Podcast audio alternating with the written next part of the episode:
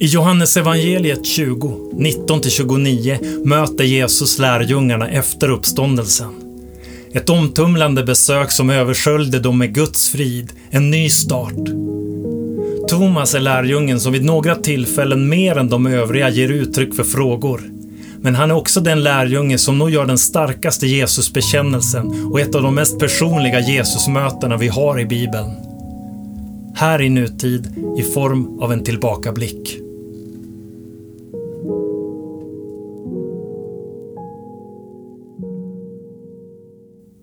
När friheten att tro och tvivla exploderar. Klockan är lite efter halv elva när jag hänger av mig jackan över stolsryggen. På brickan framför mig ligger en nybakad kanelsnäcka på ett fat och bredvid den ett högt kaffeglas med en klockrent skummad latte i. Runt bordet bakom mig sitter fem goa gubbar och pratar och skrattar. De verkar vara vägarbetare eller sopkörare eller något annat där klargula reflexjackor är arbetsställ. På deras bord ligger veckans oddset talonger för ifyllnad. Utifrån hur olika de verkar tänka om kommande matcher så kommer de bli sittande en bra stund. Jag tittar ut genom fönstret och min blick följer förstrött bussen som gungar förbi. Reklamtexten längs bussidan passerar och jag glömmer den direkt. En handfull förstagångsmammor traskar förbi med sina nyinköpta och välutrustade barnvagnar och jag misstänker att de inte pratar fotbollsodds som mina bordsgrannar.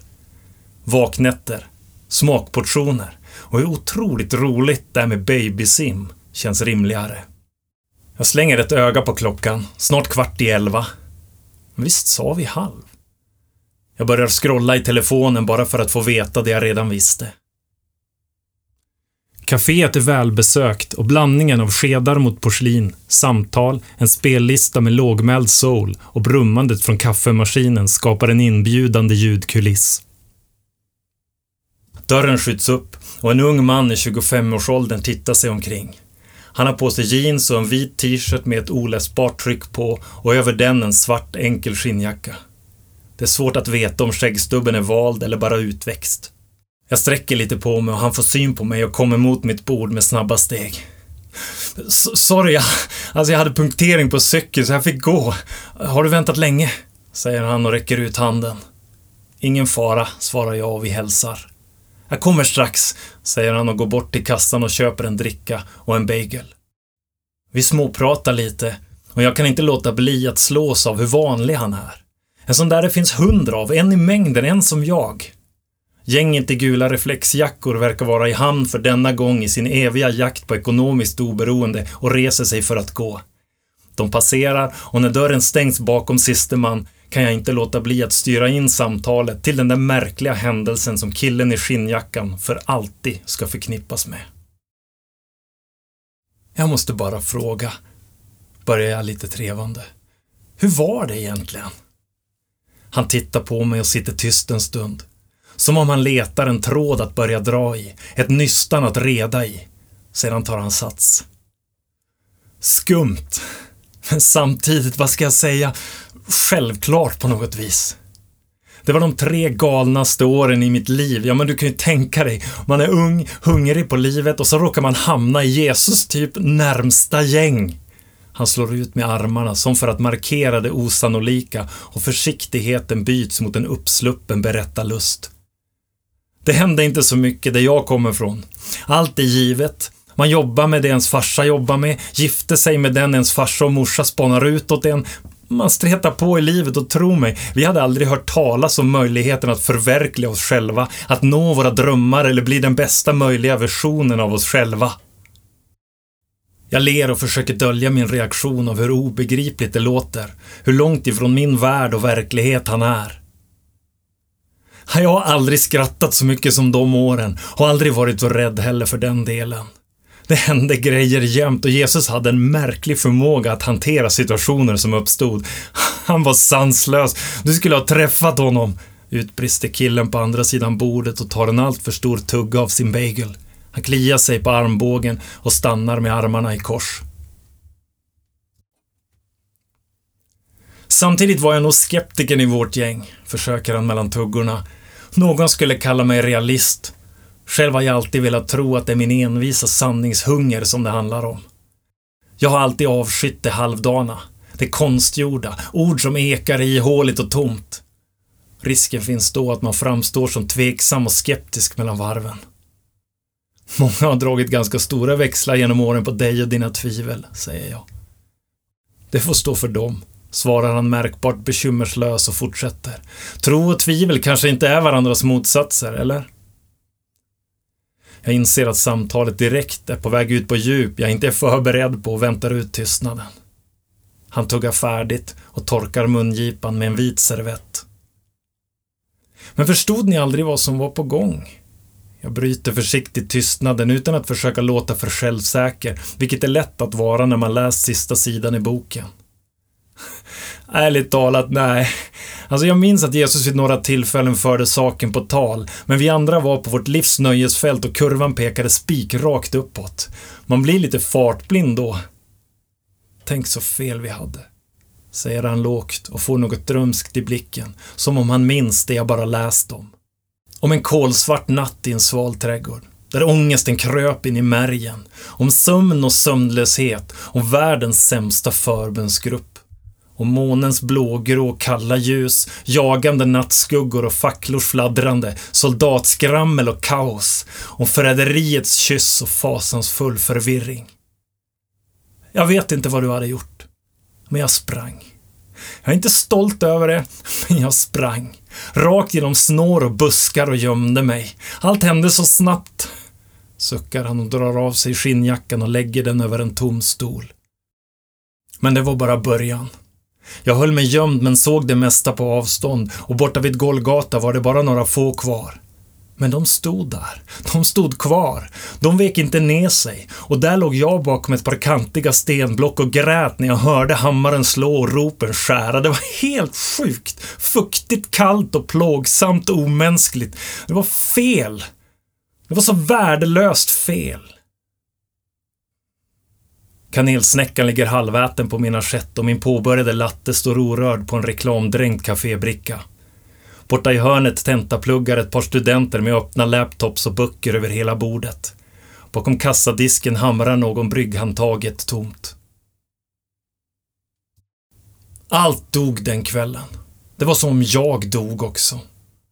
Den jag blivit efter åren tillsammans med Jesus, det som vuxit i oss som var med. Snacka om antiklimax säger han och tittar envist på mig, som om han väger mig.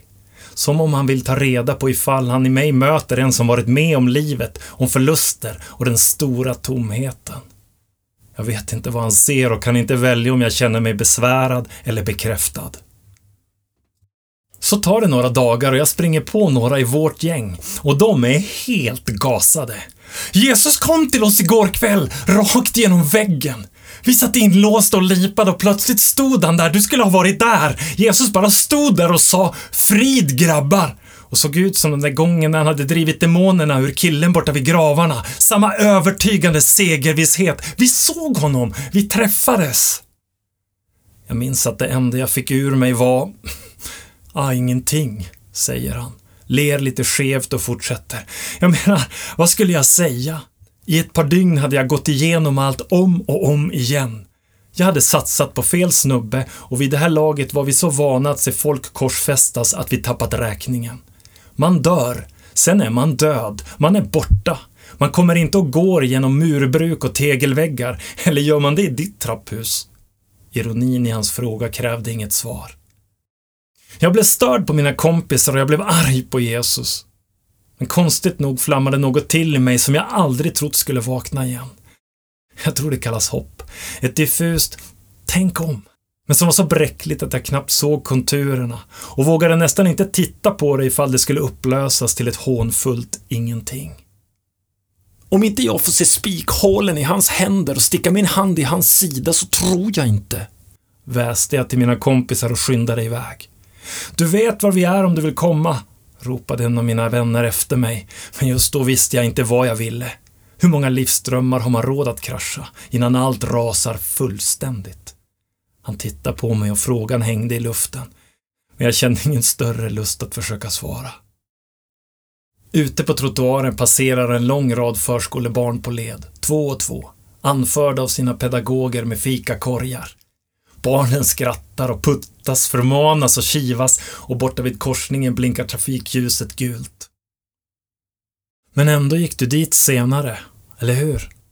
Frågar jag och tar en försiktig tugga av min kanelbulle innan jag tar en klunk av latten som börjat svalna. Mm, ja, Alltså jag, jag, minns en gång när typ massa folk hade satt i halsen om något Jesus sagt och lämnat honom och han vände sig mot oss och frågade om vi också skulle lämna honom nu. Då harklade Petrus sig som han alltid gjorde på den där tiden och gjorde sitt bästa för att låta stadig. Herre, till vem skulle vi gå? Och den strofen gnagde i mig. Kanske var det ändå bättre att dela tomheten med de övriga, så när kvällen kom gick jag dit. Då jag pallade inte mardrömmarna och ensamheten. Det rasslade till i låset när jag knackade på och kanske hade jag hoppats att få återse ett tappert gäng med glöd, men ärligt talat, de var rätt avslagna. Jag ska tala om för dig att det var ett skrajset gäng som tog emot mig. Och jag som trott att jag skulle mötas av värsta partygänget som träffat Jesus igen. Om jag inte minns fel sa någon av dem att Jesus andats på dem förra gången, erbjudit dem att ta emot helig ande, kraft och hjälp och rätt att förlåta synd. Men där satt vi, inlåsta av oss själva och bara satt. Tystnaden i hans berättelse förbyts i ett kras. En stackars dam med hemstickat basker på huvudet lyckas tappa sin bricka i golvet vid brickvagnen. Hon ser förtvivlad ut. En tjej i långt svart förkläde kommer ut ur diskrummet med en mopp och börjar torka upp. Damen håller ett alltför onödigt långt ursäkta mig-tal och jag och killen vid mitt bord börjar skratta lite, nästan befriade av den ofrivilliga pausen som avbrutit hans intensiva berättelse. Jag ska bara kolla en grej, säger han och tar fram sin telefon. Jag försöker samtidigt samla mina tankar utan att bli klar över vart jag vill landa. Men kom han verkligen till er igen? Jag hör att min fråga blandas av lika delar skepsis som förhoppning. Han knappar färdigt, skjuter ner telefonen i jeansfickan, han tittar utforskande på mig. Som jag sa i början, det hela var skumt, men ändå självklart. Plötsligt stod Jesus där. På sätt och vis samma Jesus som jag hängt med i flera år, men samtidigt fanns det något i hela situationen som inte funnits där innan. Allt var likadant, men fullständigt annorlunda. Jag vet inte om jag förstår vad han försöker beskriva, så jag nickar medhållande och hoppas att han ska fortsätta. Så tar Jesus ett djupt andetag. Som om han hämtade syre från en annan värld och så sa han ”Frid, grabbar!” och tillade efter nästa inandning ”Är ni kvar här än?” Sedan tittade han på mig där jag satt längre bort i rummet och sträckte ut sin hand i en välkomnande gest. Utan större omsvep, med en riktning i sina ord som bara Jesus har, sa han Kom! Du ska få känna på något. Du ska få se hur verkligheten ser ut. Det var då som konturerna av hoppet blev lite tydligare. Jag hör själv hur platt det låter nu, men det etsades in något i mig där och då. Det fanns inget hårt i Jesus tonfall, inget uppfordrande, inget uppläxande. Snarare som man kan tänka att en förälder låter som så förtvivlat väl önskar att ens barn ska förstå något väldigt, väldigt viktigt. Vad gjorde de andra? Hör jag mig själv fråga. Ingen aning. Och där jag satt uppslukad av min egen nakna ärlighet kunde jag inte bry mig mindre om andras funderingar. Och varför skulle jag det? Så ursäkta, men det där är bara så typiskt hur ni tycks ha det. Stora ord om att gå er egen väg och inte låta andras åsikter stå i vägen. Och samtidigt lever så många livrädda för vad andra tänker och tycker. Hur har det påverkat din egen tro över tid? Hans avläsning träffar väldigt rätt, tänker jag och känner mig varsamt påkommen. Antagligen avslöjar mina trummande fingertoppar på bordskivan mig, för han gör en kort paus, tar en sista klunk av drickan innan han fortsätter. Det kanske låter som en kliché i dina öron, men där och då var det som om något nytt föddes i mig. Och samma ord ramlade ur min mun då, som jag skrattat ur mig många gånger under våra galna år tillsammans. Samma ord som jag viskade i trädgården den där kusliga natten när jag flydde. Orden jag skrek ut bakom stenarna vid korset och nätter igenom snyftat ut i tomma intet. Min Herre, min Gud friheten i rummet den stunden. Den var obeskrivlig, avslutar han och försöker dämpa sin upprymda röst. Tiden går och hans omvälvande berättelse landar ner bit för bit. Efter ett tag fiskar han fram telefonen för att titta på klockan. Jag måste tyvärr vidare, säger han och börjar kränga på sig sin skinnjacka. Men en av de skönaste sakerna som hände den där natten, det var några ord som Jesus sa som har ekat kvar i mig. Han sa något i stil med att den som tror utan att ha sett, den personen ska skatta sig så fett lycklig. Visst låter det märkligt? Frågar han och reser sig och skjuter in stolen. Jag sträcker fram handen och vi skiljs åt i ett ordlöst handslag. På vägen ut ställer han, bättre än damen med basken, sin bricka i brickvagnen och ler emot mig när han lämnar kaféet. När dörren glidit igen sitter jag kvar och tittar efter honom när han går ner för gatan med händerna i skinnjackans fickor. Jag tittar på min hand som just skakat hans och kan inte låta bli att undra om jag just rört vid den hand som genom tvivel till tro rört vid Jesus själv och jag sväljer, tagen av den hisnande tanken. Samtidigt undrar jag om det behövde stickas några fingrar i Jesus händer den där märkliga natten när friheten att tro och tvivla exploderade. Några enstaka pälsockerbitar ligger kvar på min assiett när jag själv går ut på trottoaren och planlöst tar en promenad i middagssolen. Längre ner på gatan sitter en stojig skock förskolebarn och fikar i en lekpark och när jag passerar en kiosk med skylten för Svenska Spel kommer jag att tänka på de där goa gubbarna från innan. Vad är en verklig vinst? Mumlar jag och känner mig för ett ögonblick så fett lycklig.